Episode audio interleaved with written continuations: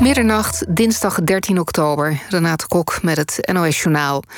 Het kabinet wil de horeca volledig sluiten in strijd tegen het coronavirus. Bronnen zeggen dat dat later vandaag vrijwel zeker bekend wordt gemaakt op de persconferentie. Verder wordt de verkoop van alcohol in de avonduren verboden en ook online bestellen en laten bezorgen van drank is niet meer toegestaan. De extra beperkingen zouden twee weken moeten gaan gelden. De Koninklijke Horeca Nederland zegt in reactie dat de sluiting van de horeca de is voor veel ondernemers. De brancheorganisatie is boos omdat hij niet betrokken is geweest bij het besluit. Eerder lekt al uit dat het kabinet wil dat volwassenen niet langer in teamverband sporten. Het plan is om kinderen en jongeren nog wel te laten trainen, maar geen wedstrijden meer te laten spelen. Het kabinet denkt er ook over om reizen met het openbaar vervoer te beperken. In binnenruimtes mogen straks maximaal 30 mensen zijn. En de uitzonderingen op die regel die nu nog gelden, komen dan te vervallen. Ook de richtlijn van maximaal drie gasten thuis wordt aangescherpt. Dat aantal gaat niet gelden voor de hele dag. Wie in de ochtend drie mensen op bezoek heeft gehad... mag s'avonds niet ook nog mensen uitnodigen.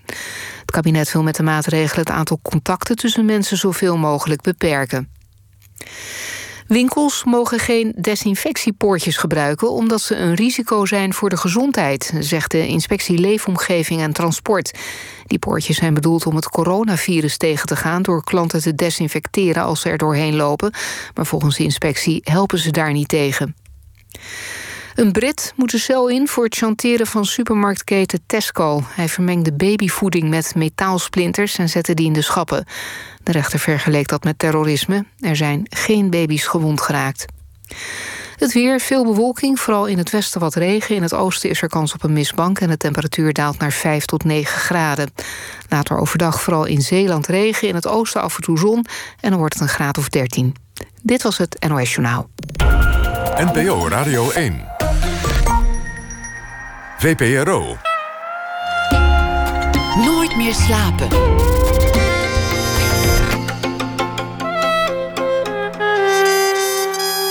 Met Pieter van der Wielen.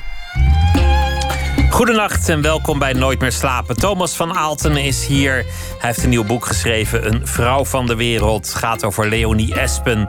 Leonie Espen heeft een hoop, maar weinig om te koesteren. Ze is vooral de vrouw van. Tijdens de jaren 70 ontworstelt zij zich aan haar bestaan.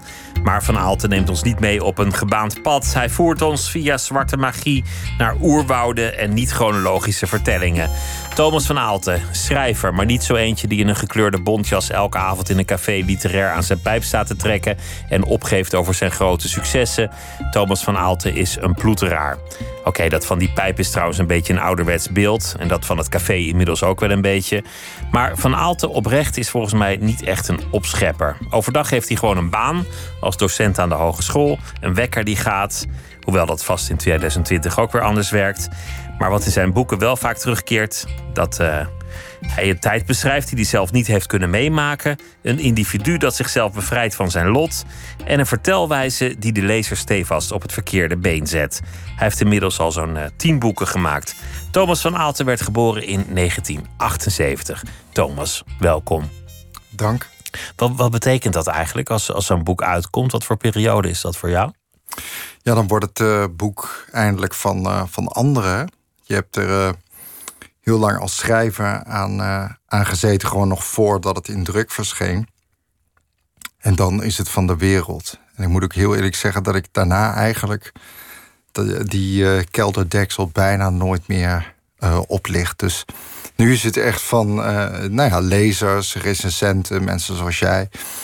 En ehm, vandaag kreeg ik een uh, mailtje van een collega of een berichtje die zei van ja, op pagina 104 gaat het over een, een laminaatfabriek. Klopt dat wel? En dan denk ik ja, ja, moet ik dat nou terug gaan kijken op die pagina of laat ik het nu? En dat is die kelderdeksel, je kijkt niet om. Het boek is nu van de wereld. Ja, ja. en wat, wat een heel interessant verschijnsel is dat ik dan ook voorgaande boeken vergeet ik en dan uh, uh, zeg, confronteren mensen mij wel eens met... Oh ja, toen gebeurde dat en dat in dat boek.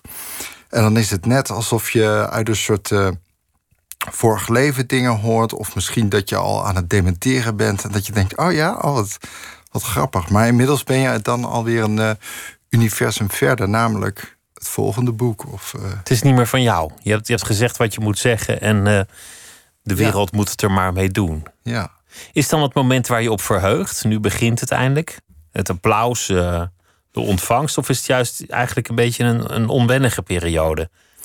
Het is onwennig als het uh, stil is, of als er twijfels zijn, of als je uh, hele wisselende geluiden hoort.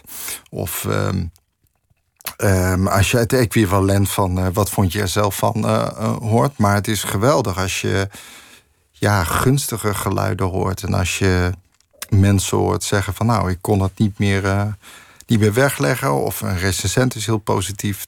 Dat is ja, een lafenis. Dat, dat is nu een beetje aan de hand, heb ik de indruk. Althans, in, in mijn filterbubbel.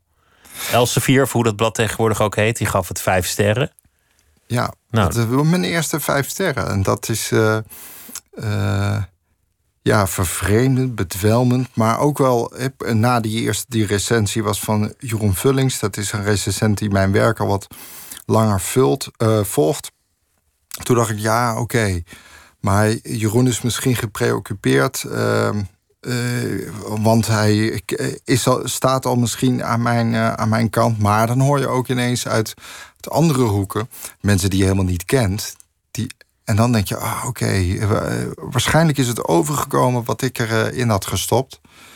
En dat is nu na, na 20 jaar, want ik schrijf al 20 jaar boeken, is dat nu eindelijk zo, hè oké, het lijkt erop alsof ik het kan. Had je daar nog twijfel over of je het wel kan? Ja, volgens mij is dat een teken van, uh, van oprecht uh, ja, kunstenaarschap.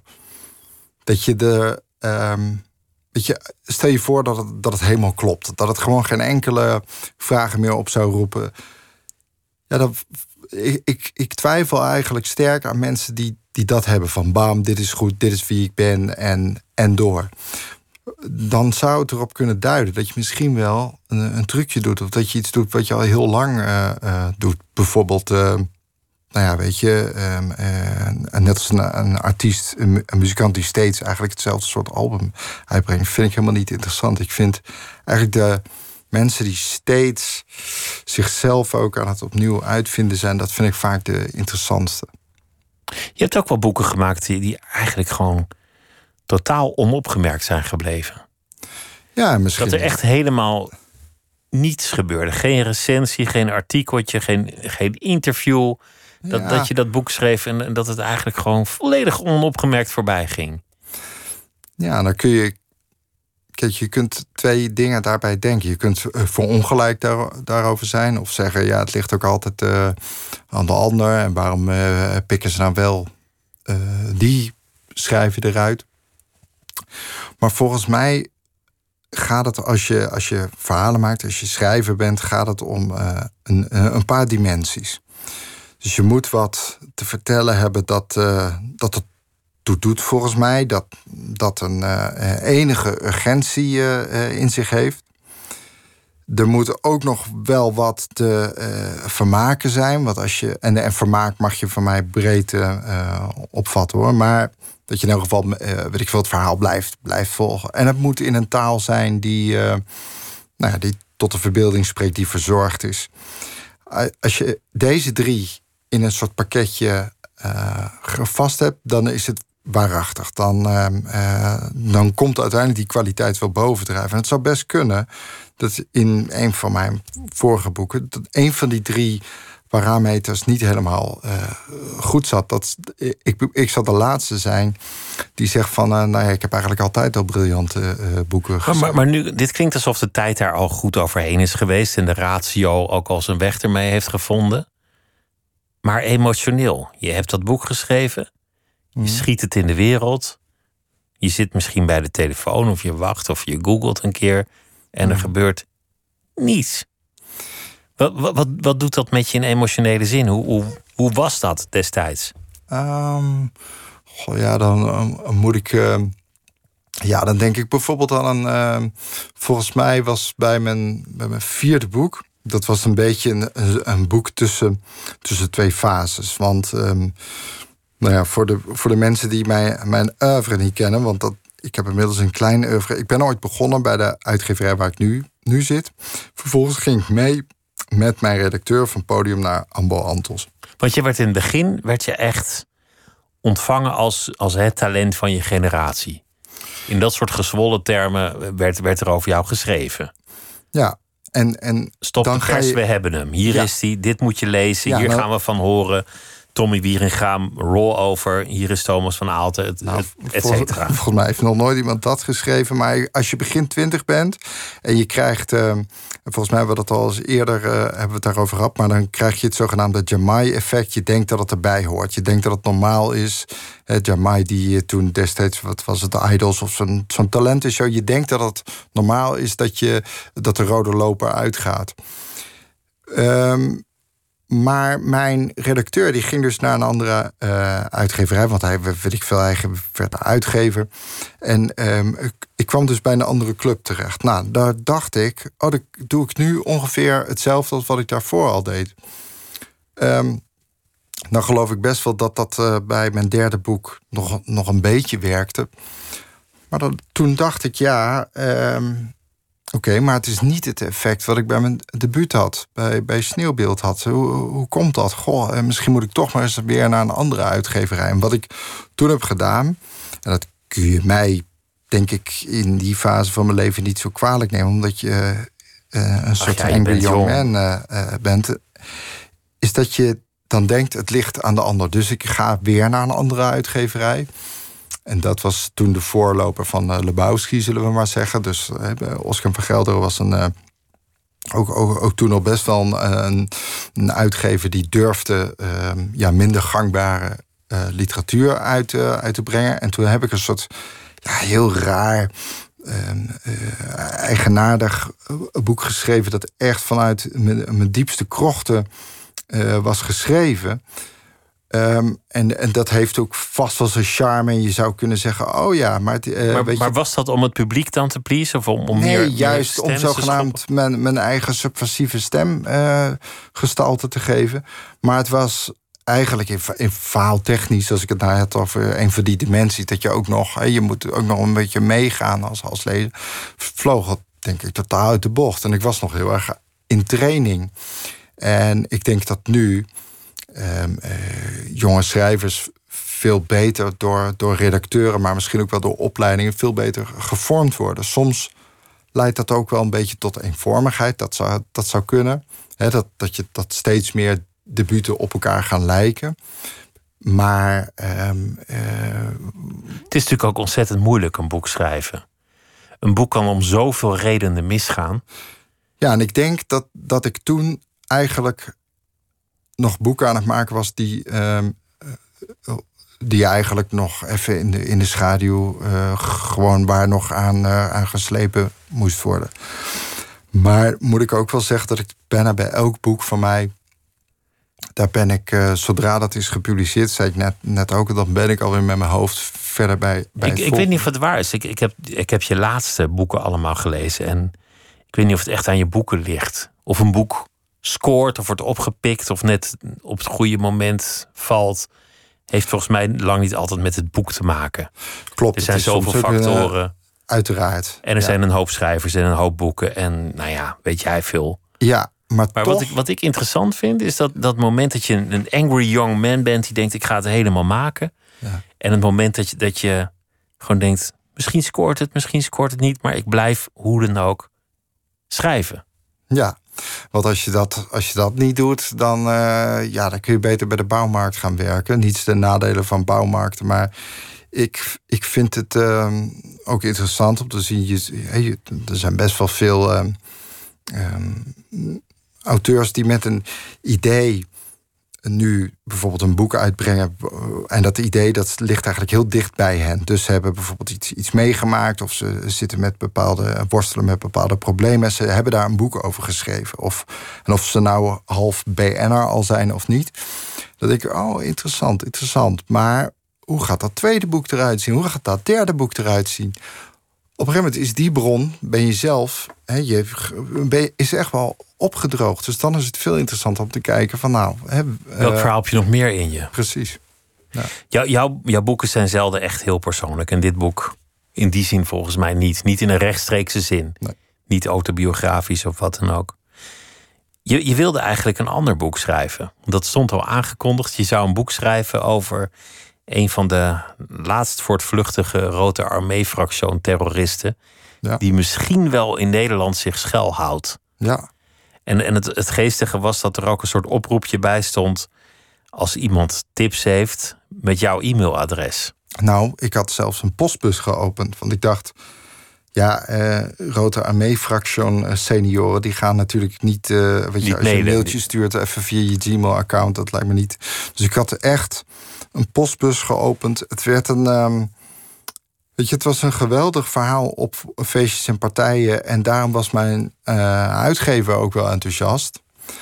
Alleen het boek was een soort monster van Frankenstein. Dus er zaten best wel goede vitale organen in. En als je het, eh, je kon het ook wel herkennen als een gestalte, maar bleef een soort monster. Soms kunnen monsters ook wel charmant zijn. Of, eh, en, voor, en voor de liefhebber eh, leuk om te lezen. En toch werd het niet wat. Ja, het, eh, ik heb duizenden versies. eh, ehm, Maar, maar wat is er uit die research naar voren gekomen? Is die postbus ooit door iemand gebruikt? Of, of heb je ooit. Nee, ik ging om de zoveel met mijn postbus daarheen. En ik vond alleen maar reclame van de, de firma waar de postbus van was. Dat, eh, wat is dat tegenwoordig? TNT Post of PostNL of zo. Dat is elke week anders volgens mij. Ja, maar- en elk jaar kreeg ik zo'n, zeg maar, werd die nota afgeschreven. Dus dacht oh ja, ja, nou, als dit zo doorgaat, dan oh, hoeveel boeken moet ik dan verkopen om ooit überhaupt al uit die kosten te komen? Dus ik was, en dat liep parallel ook aan eh, persoonlijke problemen, want het ging niet goed in, eh, de, eh, in de relatie. De moeder van mijn eh, jongste kind. En nou ja, dus dit werd één soort brei. Dit werd, ik was artistiek. Als ik zeg maar, was het best een puinhoop. En in mijn privéleven eh, nou ja, was het ook niet echt een doktersroman. En in die luwte, dus buiten die, die chaos bij die vulkaanuitbarsting, of eigenlijk, het was geen vulkaanuitbarsting, het was wel heel erg aan het rommelen. Had ik heel erg behoefte om een verhaal te maken, eigenlijk voor mezelf, waarbij het heel duidelijk was van oké, ik maak een verhaal eh, rond één locatie, rond niet te veel personages. En ik ga een soort verhaallijn, een soort gospel storyline maken, die, eh, die ik heel erg in de, in de tang heb. Dus het verhaal gaat niet met mij aan de. Maar het was, was, dat, was het dan met de bedoeling om het te publiceren of meer voor jezelf? Om het was gewoon meer voor mezelf. lekker bezig te zijn met, met de taal. Ja, ik weet eigenlijk niet hoe, hoe andere schrijvers dat doen, maar ik schrijf altijd, dat noem ik dan even onder water ook. Dus terwijl een boek bij een redacteur ligt, of ga ik verder met, eh, nou ja, zoals een muzikant demo's eh, opneemt, ga ik dan verder met schrijven. Omdat die, ja, ik weet niet, die kraan die moet blijven lopen. En dit, ik denk dat ik, en is, dat is ook wel weer grappig, ik vergeet dat dus ook. Volgens mij heb ik, dit, heb ik er een maand of zo over gedaan om dit boek te maken. En misschien nog dat ik het later heb herschreven. Gewoon even wat, nog even strak trekken. En toen heb ik het in een la gelegd, virtuele la, digitale la, omdat ik dacht, ja, ik gebruik een, een vrouw als personage. Ik gebruik de jaren zeven, vroege jaren zeventig eh, als decor. En er zit ook een lijn in met ehm, eh, Surinaamse rituelen, eh, Surinaamse tradities. Met Winty. Precies. Zijn dit nu drie terreinen die ik als, laten we zeggen, veertiger ehm, eh, man, wit, kan ik mezelf dit ehm, Toe-eigenen, dat is het woord. toe-eigenen? Ja. Ja. Cultural appropriation. Precies. En toen heb ik het dus laten liggen. Ik heb wel eens, geloof ik, een half een soort feuilleton eh, eh, begonnen te publiceren. En dan, dan weer gestopt, gewoon op mijn eigen, op een soort eigen websiteje. En toen dacht ik tijdens die eh, hele raf heibel eh, dat ik met dat project bezig was, dat aan het gisten en borrelen was. dacht ik van, oh, ik pak het er weer eens even bij. Het, ehm, het verhaal waar, de roman waar we het nu over hebben. Dacht ik, jezus, het is eigenlijk gewoon nog heel gaaf. Het is zelfs na, na die tijd, laten we zeggen dat er een jaar of heen is gegaan, staat dit nog wel overeind. Terwijl het RAF-project staat op instorten. Misschien moet ik mijn redacteur toch wel eens dit laten lezen. En toen, eh, ik geloof dat het een paar dagen duurde. En toen eh, zei jo Joost Nijssen, mijn, mijn uitgever, zei... ja, oké, dit gaan we doen. De, die en die datum. En wat denk jij dan? Weet je, hij was echt gelijk. Dus je hebt eigenlijk terloops een boek geschreven dat, dat, dat, dat klopte. Niet met de bedoeling het te publiceren. Het was niet je hoofdproject, maar als een soort afleiding. Toch, toch even, dit is niet het leukste deel van het interview. Maar, maar je zei, ik had problemen met de, moeder van mijn jongste dochter. Mm. Je, je bent inmiddels in een situatie, je hebt een, een baan als mhm. docent, dat zei ik al in de inleiding. Mhm. Je had een, een, een, relatiecrisis, dat gebeurt ons allemaal wel eens. Maar je bent inmiddels uh, vader van drie kinderen, mhm. waarvan twee bij één vrouw en één bij een andere vrouw. En dan ook nog twee kinderen uit een vorige relatie van de nieuwe vrouw. Dus, dus je hebt een soort van vaderachtige rol in vijf levens. Uh, ja, en dan, en dan co-ouderschap met één vrouw en een, een leven met een andere vrouw. Ja, er zijn drie moeders in het spel. En af en toe voor corona paste mijn eigen moeder natuurlijk ook nog op. Dus oh, drie, drie moeders. Ik, uh, ja, mijn, mijn, ja dat, uh, dit, je zou hier ook een, uh, weer een leuke Fellini-film van kunnen maken. Maar mijn huidige vriendin heeft zelf ook twee kinderen. En ik heb natuurlijk zelf drie dochters bij twee verschillende moeders. Dus um, mijn eigen moeder paste op dinsdag op pre-corona.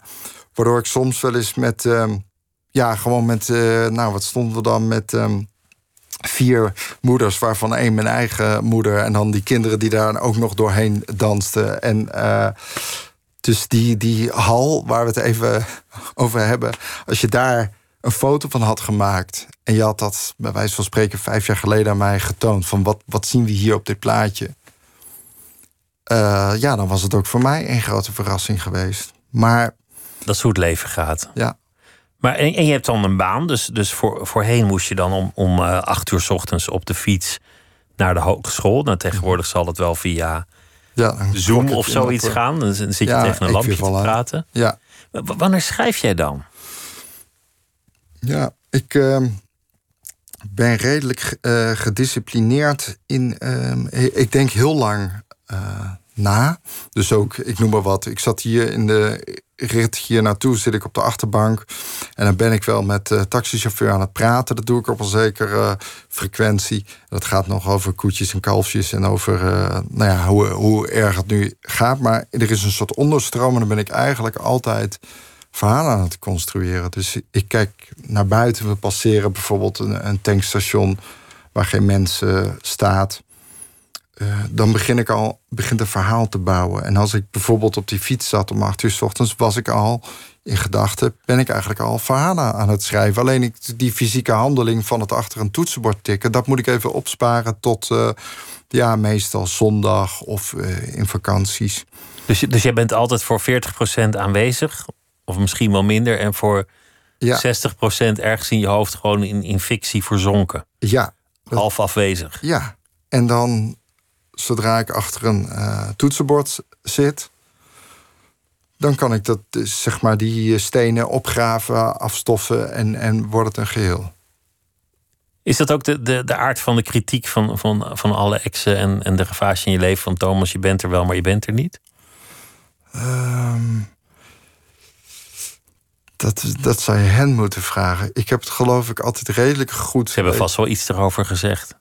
Uh, ja, maar ik, volgens mij ben ik nooit het cliché geweest van. Um, de afwezige van de, van de, de, de Shining. Uh, uh, weet je, Jack Nicholson die dan riep van ik moet schrijven, weet je, blijf buiten de deur. Dat denk ik niet. Ik denk, nee, ik denk dat die, dat die ehm, problemen in mijn huwelijken gewoon een andere. Staat los van, ja. van, van het schrijven. Ja. Maar het, is eigenlijk wel een soort plek waarin je dan wel gek genoeg, hoewel het een fictieve wereld is, helemaal op die plek bent. Ja, maar nu je het zegt, wat wel zo is, is dat ik. Ehm, en ik weet niet waar dat vandaan komt, maar ik heb een soort permanent uh, iets van ja, dat, dat schrijven laten we daar vooral niet te romantisch over doen. Dus ik heb eigenlijk het tegenovergesteld. Laten we vooral niet ik ben niet bijzonderder dan de loodgieter of de verpleger. Ik schrijf gewoon uh, verhalen. Dus ik ben dat voortdurend aan het wegduwen in het publieke domein. Dus ook in het gezin ben ik dat voortdurend aan het wegstoppen. Van ach ja. En eigenlijk heb ik nu pas voor het eerst in mijn relatie dat mijn, mijn vriendin bijvoorbeeld ook is dat, dat boek gaat lezen. En dat, uh, ik heb een vriendin die. Uh, uh, zegt van, oh, uh, nou, veel succes vanavond bij Nooit meer slapen. Want in mijn vorige relaties, niets ten nadele van deze vrouwen.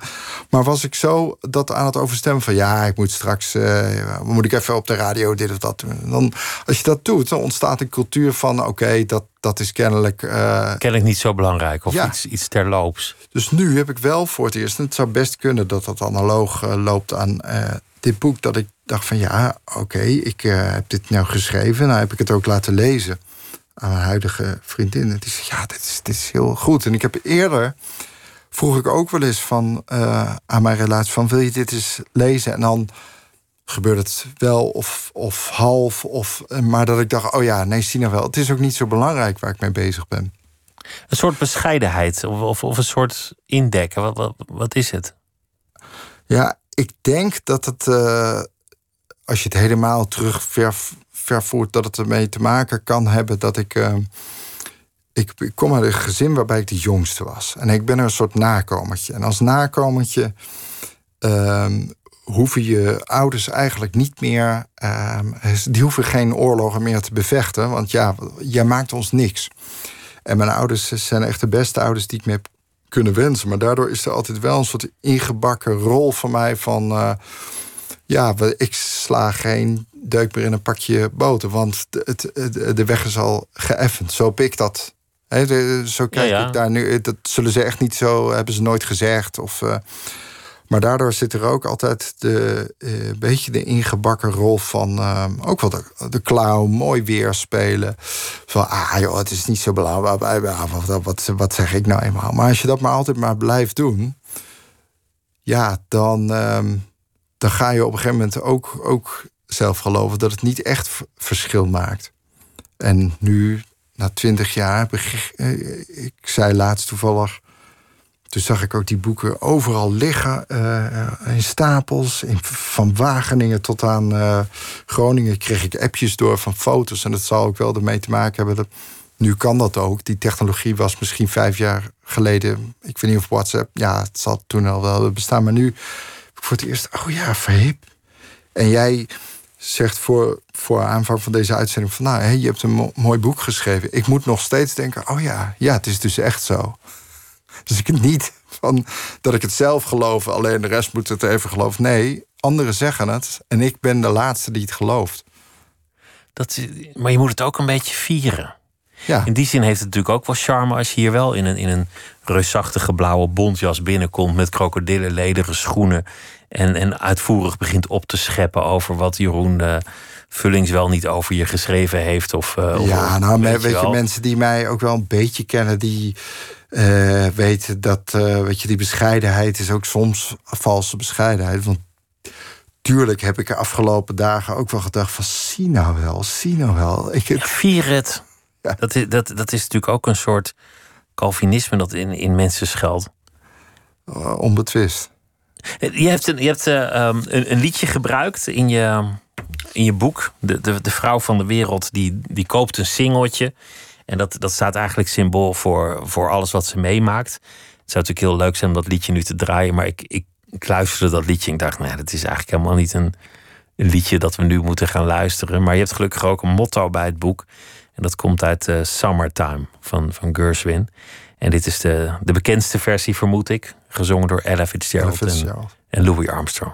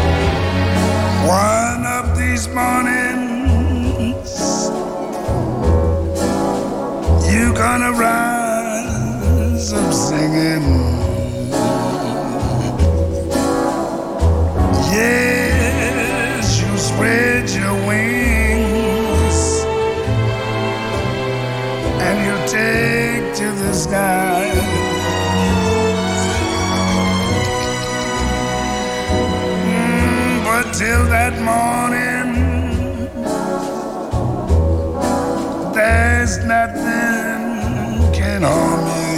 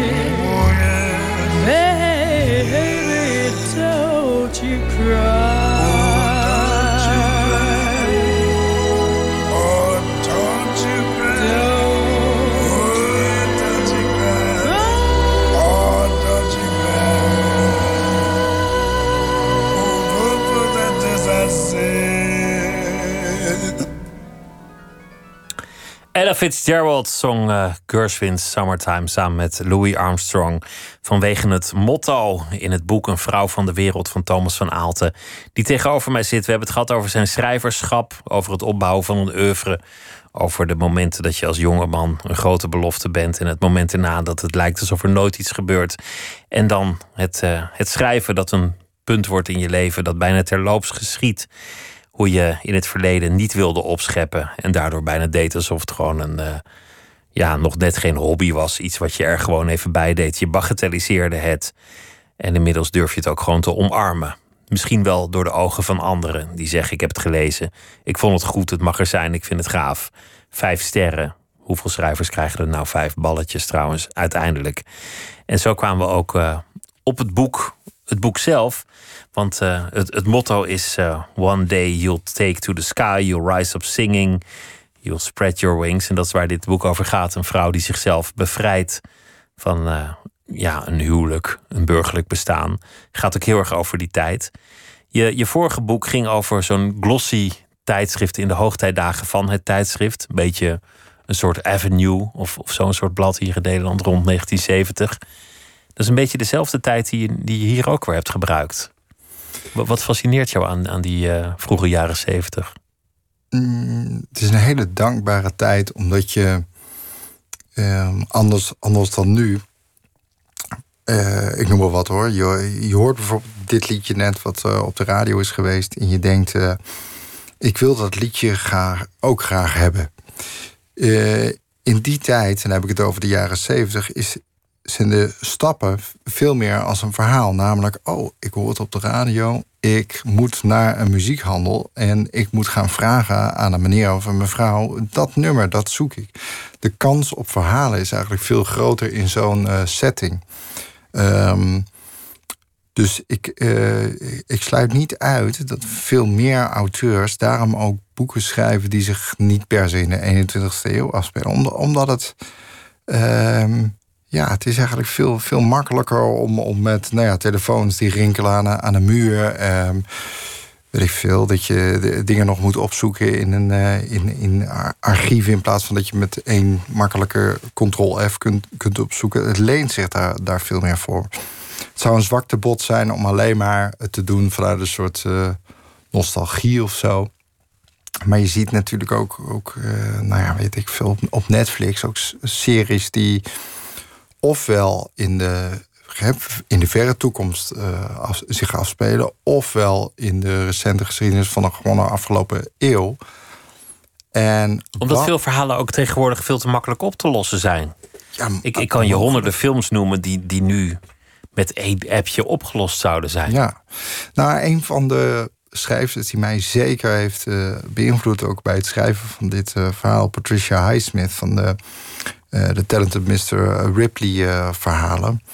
Ja, dat, weet je, de, de- als je dat boek nu leest, dan zou je inderdaad zeggen van ja, we lossen het op met, eh, nou ja, weet ik veel, een eh, alert eh, internationaal op. Even eh, googlen en je weet Ja. al dat hij niet is wie die zegt dat hij is. Ja.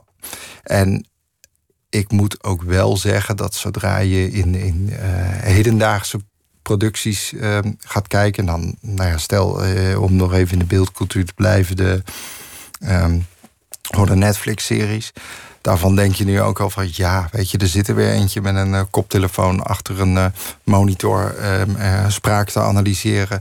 Weet je, het is veel minder, eh, ehm, denk ik, tot een verbeelding spreken. Ja, je kunt inderdaad alles oplossen digitaal. Punt. Dus daar, ze- daar zijn voor, de, voor die setting. Maar ik sluit niet uit dat. Daar Ja, zullen ook weer ja, verhalen uit voortkomen, Ja. natuurlijk. Maar de jaren zeventig wo- worden vaak afgeschilderd als de tijd van bevrijding, van, van het eh, loslaten van oude normen, et cetera. Dat is in dit boek ook het geval. Maar, maar wat jij in dit boek laat zien, is dat het in veel opzichten ook wel erg bij het oude bleef. Die burgerlijke patronen waren nog wel diep geworteld, ja. lange tijd. En ik denk eigenlijk nog wel. eh, nog tot, tot veel, veel later ook. We hebben een beeld natuurlijk ehm, eh, gemaakt. Met, de, al is het maar door de archivering van op, beeld en, in geluid... dat de jaren zeventig een soort één grote mythische top op uitzending eh, zijn. Ehm, ehm, maar ja, dat, dat is natuurlijk maar een, een verhaal uit een, een bubbel. Er, is, er is, gebeurde zoveel niet, ook in, in Nederland of in eh, de rest van Europa. Er zijn natuurlijk heel veel eh, ontwikkelingen wel geweest. Nou ja, weet ik veel, maar maatschappelijke ontwikkelingen. Maar eh, ja, een heleboel bleef achter die voordeur ook wel vrij bekrompen en, en conservatief. Ik moet ook altijd denken aan. Ehm, eh, weet je, je hebt zo'n zo'n beat-schrijver, Jack Kerouac, hè, die dan eh, eh, On the Road schreef. En dat was dan één grote, ehm, nou ja, bijna trip, waarin pagina na pagina zonder enige interpunctie. En dat was, dat was de stem van de beat-generatie van de jaren 50. Maar tegelijkertijd verschenen er verhalen in de New Yorker feuilletons van onder andere een auteur die ik zeer bewonder, John Cheever. En die stond daar mijlenver van, vanaf. Die had helemaal niks met eh, ja, die beat poets. En eh, nou ja, weet je, eh, William Burroughs of, of andere schrijvers die in de jaren zestig volop gingen experimenteren. Nou, dat was ongeveer tegelijkertijd dat wij hier nog met z'n allen naar de uitzending van Het Dorp van Mies Bouwen zaten te kijken. We denken dat iets revolutionair geweldig is. Maar tegelijkertijd heeft het altijd een, een ja, soort best wel bescheten keerzijde. Er gebeurt al helemaal niet zoveel. Zoals het overgrote deel van de Nederlanders vol- volstrekt onbevlekt door de jaren zestig heen zijn gekomen. Ja, en ik denk wel dat, dat bijvoorbeeld dat je veel meer re- revoluties kon, onttekenen, eh, kon, on- kon ontketenen of veel meer kon chockeren. Omdat ja, de middelen veel beperkter waren. Dus als je twee televisiezenders had en eentje, eh, daar, daar eh, chef van de Oekels Disco Hoek op, op uit. Eh, ja, logisch dat veel mensen dan hele kwade brieven naar de VPRO gingen, gingen schrijven. Maar er was een smal deel die dat geweldig vond. En het overgrote deel ging volgens mij gewoon nog met de vouwwagen. volgens de ANWB-route heel braaf ergens kamperen om witte boterham met boterhamborst te eten. En helemaal niet de revolutie te verkondigen. Dat is ook een thema in dit boek, want de, de man van jouw personage is een ondernemer. De oprichter van een reisbureau, een beetje gemodelleerd naar D-reizen. En dat is ook de tijd dat Nederlanders voor het eerst op vakantie gaan. Ja. En, en dat ze voor het eerst eh, luxe kennen. Het, het is echt de, de toegenomen welvaart van de jaren zestig, die mag gevierd worden. En mensen zijn al heel snel tevreden. Maar wat, wat voor bronnen gebruik je eigenlijk als je, als je daarover schrijft? Want je, je vorige boek ging over de, de tijdschriftenwereld. Heb je dat hier ook gebruikt?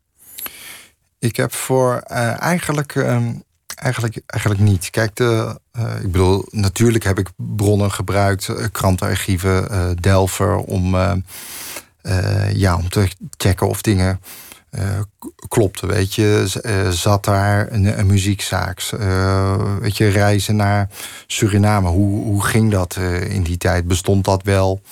Ehm, maar deze, de straat waar dit verhaal in speelt, dat is een, ehm, de burgemeester Eliasstraat. Dat is een hele gekke, gekke straat in ehm eh, Slotermeer in Amsterdam, waar ik eigenlijk op een steenworp afstand vandaan woon. En ik fietste daar heel vaak langs. Ik dacht, en, eh, want ik vond het gek, omdat het, eh, ja, het zijn gewoon een rijtje villa's verder in best wel een volkse buurt. Dus het is een soort satelliet Amsterdam Zuid in, in midden in Amsterdam West. En ik, ik ben daar altijd zo door gefascineerd geweest. Ik dacht van ja, dat, dat is een te gekke locatie om een, om een verhaal eh, te starten. En toen las ik ooit over het ontstaan inderdaad van, de, D- van D-reizen. Toen dacht ik, oh ja, zo'n zo'n familiebedrijf dat dan eh, ergens vanuit eh, nou ja, de Noor- het Noor- Noord-Hollandse welvaren wordt, eh, wordt opgezet om, om eigenlijk de gewone man eh, tegemoet te komen. Van, nou, als ik die twee elementen, die straat en die gewone man van, eh, van de, eh, van de eh, vakanties, dan kan combineren. Ja, volgens mij heb ik dan in, in elk geval een setting waar ik verder mee kan. En dan is het gewoon ja, controleren of, of dat allemaal geloofwaardig is. Dus van, weet ik veel, merken, mayonaise tot... eh, nou ja, of, die, of daar inderdaad wel zoveel supermarkten eh, konden zitten in de, in de buurt. En dan, zodra ik het... Ik vind ook niet dat je het moet doodchecken. En je moet het ook niet als een soort uh, openluchtmuseum helemaal gaan nabouwen. Want dan krijg je een soort, ja... Dat neemt altijd weer over. Ja. Het gaat over het verhaal. En je, je laat op een zeker ogenblik ook uh, een, een, Surinaams personage uh, heel belangrijk worden. En dan komt ook een reis naar Suriname in die tijd. En dan spelen die Winti-rituelen een rol. Dat lijkt me ook nog best ingewikkeld om je, om je daar dan weer in te verdiepen. Hoe, hoe kwam het eigenlijk in je boek terecht? Um, als ik me niet vergis, wilde ik het. Um, uh, kijk, in, die, in de jaren zeventig was bijvoorbeeld in de, in de filmcultuur. Bijvoorbeeld als uh, Rosemary's Baby was dat hele, hele bovennatuurlijke en, en hekserij en, en spoken was. Uh, ja, dat kwam regelmatig uh, voor. En ik dacht van ja, hoe kan ik nou dat oer-Hollandse decor ook een soort ja, duistere uh, kant meegeven. Een, een, wereld die nou ja, misschien wel parallel is, weet je, met, met geest. Een betoverde wereld. Ja, en toen, toen kwam, ik, kwam ik daarop op de, op de, ja, de, de wind die de Surinaamse uh, traditionele geestwereld kwam ik daarin terecht. Maar het, het mooie daarvan is, of het dankbare, is dat er ook niet één waarheid is. Dus er staan allemaal fora bestaan er van, uh, nou ja, hoe weet je, allerlei verschijnselen um, worden beschreven. Maar er is niet één waarheid. Dus dat heeft mij ook ruimte gegeven om daar beetje mee te, mee te spelen. Maar ik heb het wel echt laten, laten checken door. Um, nou ja, en een, een hoogleraar die, die thuis was, ook in deze ehm, eh, culturen. Ik heb het door iemand met uh, een Surinaamse oudere vrouw ook laten, laten checken. Omdat ik dacht van ja, weet je, het, het gaat, moet wel gaan om die geloofwaardigheid. Want als je hier um, een, een, een, miskleun in bent, dan stort je hele boek, uh, boek in. Dat, dat zou jammer zijn uiteindelijk. Ja. Je, je, je doseert ook uh, media en, en, cultuur of zoiets aan de, aan de hogeschool. Ja. Je hebt ook geschreven heel veel journalistieke artikelen. Vaak over, over, over literatuur, over populaire cultuur. Wat, wat mij opvalt is dat je eigenlijk nergens echt je neus voor ophaalt. Dat, dat bij jou lijkt het, maar, maar je moet maar bevestigen of ontkennen dat, dat alles even interessant is, op dezelfde hoogte staat. Een talentenjacht op televisie of, of een bepaalde literaire schrijver of een ja. poëziestroming of een, een reality soap.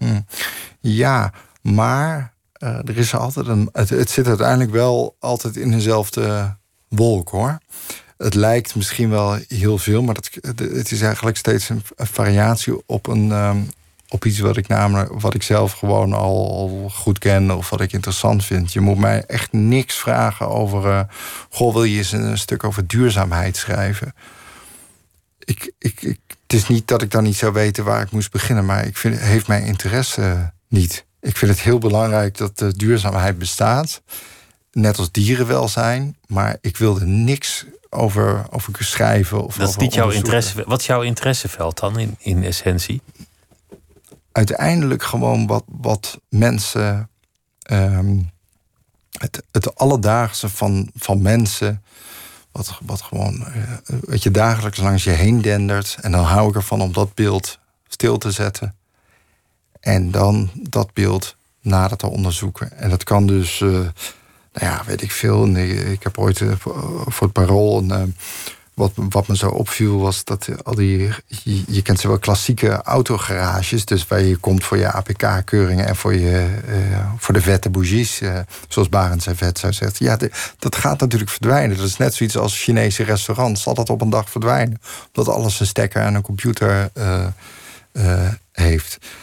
En dan vind ik juist die vergankelijkheid van zo'n ambt vind ik heel interessant. En dan nou ja, wandel ik daar langs en dan praat ik tegen uh, vraag ik aan uh, iemand in een overal met, met smeer erop. Van joh, ik, uh, ik wil graag weten wat jou beweegt om toch tegen de klippen op dit, dit te blijven doen. Ik zou een rampzalig parlementaire journalist zijn, omdat ik helemaal niks. Ik vind het helemaal niet leuk om in een soort loopgraven een microfoon onder iemand neus te houden. En zo, meneer, meneer, mevrouw, mevrouw, de minister heeft dit of dat gezegd. Lijkt me verschrikkelijk. Ik hou veel meer ervan om echt een soort, ja, bijna een soort slow journalism. Een, een, beschouwer te zijn. Ja. Een beschouwer van het passeren van de tijd. Nou moet ik wel zeggen dat het. Uh, Kijk, nou lijkt het net alsof ik uh, boeken vol of mappen vol journalistieke artikelen heb geschreven. Bij mij heeft de fictie altijd de overhand gehad. En ik heb die fictie steeds gebruikt om ja, soort achtergrondverhalen uh, te maken. En ehm, ik ben recent uh, ben ik voor het eerst echt in een grotere non-fictie uh, publicatie gedoken. Ik heb een uh, ik heb de band Fatal Flowers, Amerikaanse of Amsterdamse gitaarband. Die in de jaren 80, tweede helft van de jaren 80 populair was. Toen uit elkaar is gegaan in 1990. En vorig jaar een reunietour heeft gedaan. Ik dacht van, toen ik was bij die laatste, ehm, bij dat laatste concert van die reunietour. Toen dacht ik, ja, hier zit een verhaal in. Dit is, dit is zo'n merkwaardige uh, band, merkwaardig in positieve zin. En nog, het moet een verhaal zijn dat ook interessant is voor mensen die die liedjes niet kunnen meefluiten. En dan duik ik daarin. En dan, een band die het helemaal gaat maken in Amerika. En dat lijkt ook even te lukken. Sommige leden waren piepjong. Ja. 17 geloof ik was, was de gitarist. Ja, Robin Berlijn uh, was, was echt nog, uh, nog jong. Maar dat is volgens mij weet je, hij was echt wel van jongen tot, tot man ook, ook wel geworden. Hij was 17 geloof ik toen ze hem hebben opgebeld. Maar uiteindelijk was hij wel wat, wat ouder toen hij uh, bijvoorbeeld ook bij, de, het laatste album uh, meewerkte. Maar dit had ik nog nooit gedaan. En met 40 man heb ik gesproken. En ik dacht van ja, oh ja, maar ik ben wel schrijver. Dus ik, ik ga gewoon de gereedschappen gebruiken de waar, waar ik ehm, al vertrouwd mee, mee ben. Het literaire schrijven. Ja, en dan, nou ja, dan meandert dat het zo. En dan gaat het zo. En dan, voor ik het weet, dan knipper ik met mijn ogen en denk oh ja, jezus, ik heb 60 uur materiaal dat ik, uh, uh, zeg maar, audiomateriaal, want dan neem ik die gesprekken op. En dan ga ik, ga ik bouwen. Maar ja, ik doe dat dan ook maar eh, weer uh, voor het eerst en vertrouwde maar op mijn eigen ja, instrumentarium. En dan, dan vind ik dat eigenlijk is de verbazing is mijn, mijn drijfveer. En, en wat was die verbazing in dit geval? En wat is hetgeen jou doet besluiten, hier zit een verhaal in? Een band die het lijkt te gaan maken, jarenlang elkaar niet meer ziet en dan ineens weer een reunie organiseert omdat, uh, maar daar kwam ik ook gaandeweg achter, dat elk, elk bandlid zijn eigen geschiedenis had. Wat, nou, wat de zanger Richard Jans heeft het, uh, vergelijkt het met uh, growing up in, in public. Dus je bent jong, de, de, laten we zeggen, de alternatieve popcultuur bestond eigenlijk nog helemaal. Ik bedoel, bestond heel erg natuurlijk in de jaren tachtig, maar als Nederlandse band in de top 40 komen met, met een gitaar, dat was nou, dat kwam bijna niet voor. De Golden Earring was al eh, enige tijd zeg maar, bezig. Nu heb je, nou ja, Direct of je hebt, uh, nou ja, weet je, de Excelsior-stal. Maar toen moest dat allemaal uitgevonden worden. Dus um, zij hadden ook wel grootse, grootse plannen. Maar de geest in Nederland is altijd al geweest van... oh ja, dus jij dacht het wel even te gaan maken. En um, in, in, een soort hoge drukpan in, in vijf jaar, in de tweede helft van de jaren 80 tot aan 1990, is dat tot een soort. Uh, heeft dat de hele tijd onder druk, hebben die jongens gewoon de hele tijd. Studio in, repetitieruimte en, en, en, en, met dat busje en management. En weet je, platenmaatschappij die ook niet goed wist wat ze nou hiermee aan moesten. En ze, ze waren zulke professionals in de zin van dat ze de hele, uh, hele tijd speelden. Maar eigenlijk communiceerden ze relatief weinig. Dus ze, ze, zagen elkaar meer dan dat ze hun familie zagen. Maar, uh, ze zeiden niks tegen elkaar. Ja, eigenlijk als, als je daar. Um, als, je, als, je, als dat zo in de zeef blijft hangen, dan, dan is dat het wel. Terwijl ze eigenlijk allemaal ja, best wel verhalen hadden. Ze wisten denk ik ook wel gewoon de basis. Maar nu zou je, weet ik veel, voor allerlei uh, opleidingen bij Herman Brood Academie zou, zou dan uh, even de tijd stopgezet worden. En dan is er altijd iemand die dan een soort interventie doet van nou jongens, laten we het maar eens uh, hebben over wat hier allemaal speelt. En dat, ja, dat waren toch de jaren tachtig. Dan ja, een beetje jongens die heel erg gedreven waren en niet op dat interpersoonlijke. Ja, niet, niet konden communiceren. En dan vind ik dat fascinerend als, als verhaal. Ja. Het, gaat, het gaat in jouw boeken heel vaak over mensen die zich bevrijden. Tegen de achtergrond van de tijd. Maar het gaat vaak over mensen die zich losmaken van iets. Tot zichzelf komen, zich ontplooien. Ja, en vaak ook een underdog. Ik vind underdogs ook interessanter dan helden. Ja, underdogs zijn voor mij de, de, de helden eigenlijk. Dus dat, uh, ik, Omdat ik ze zich uit die positie van underdog kunnen manoeuvreren. Terwijl degene die al in een, in een prominente positie zit, dat is eigenlijk niet zo interessant. Ja, klopt. En dat, dat, dat bevrijden, wat jij omschrijft.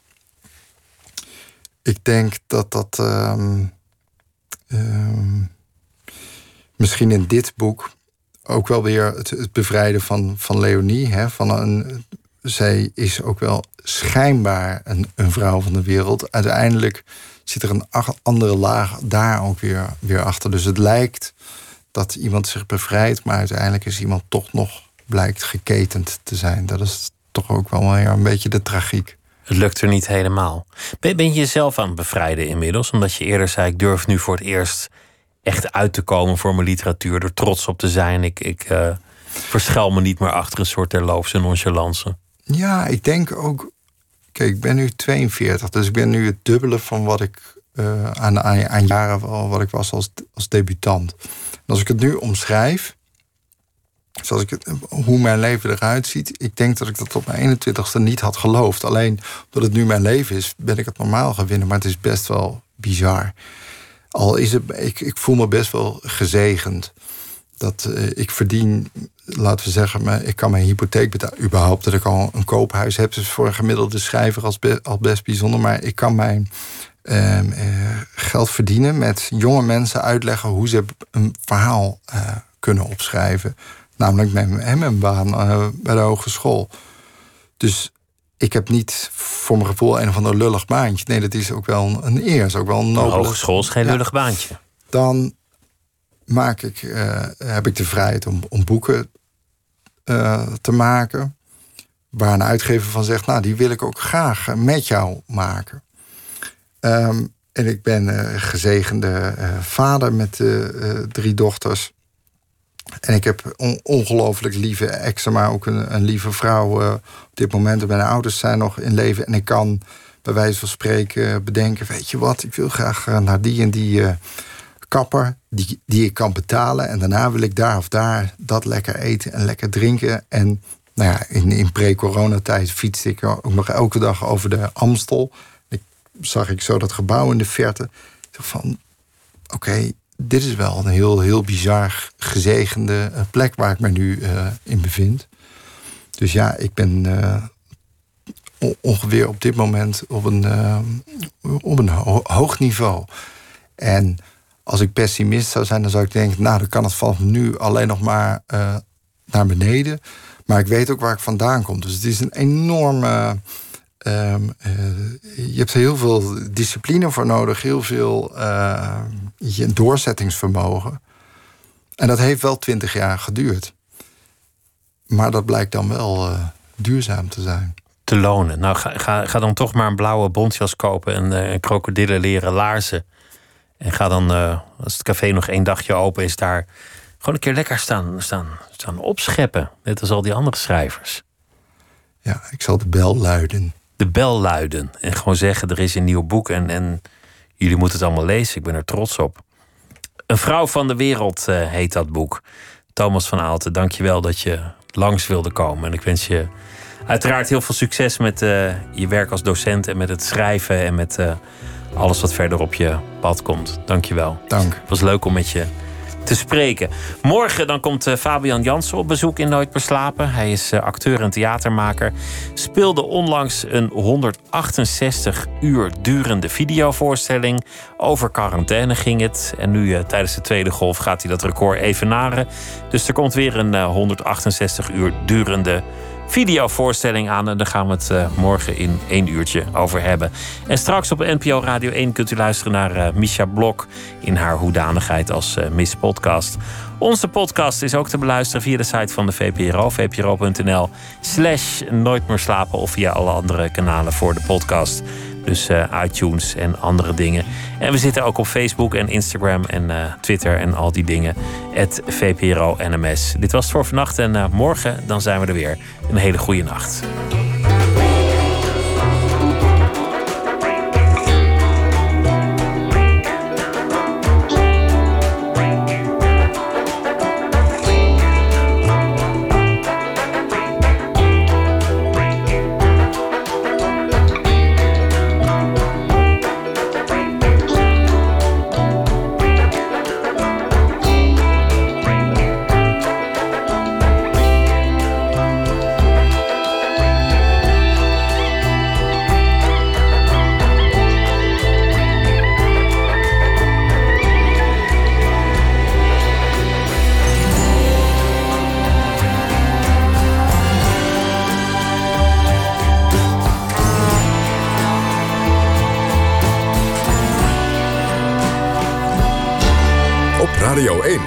Nieuws van alle kanten.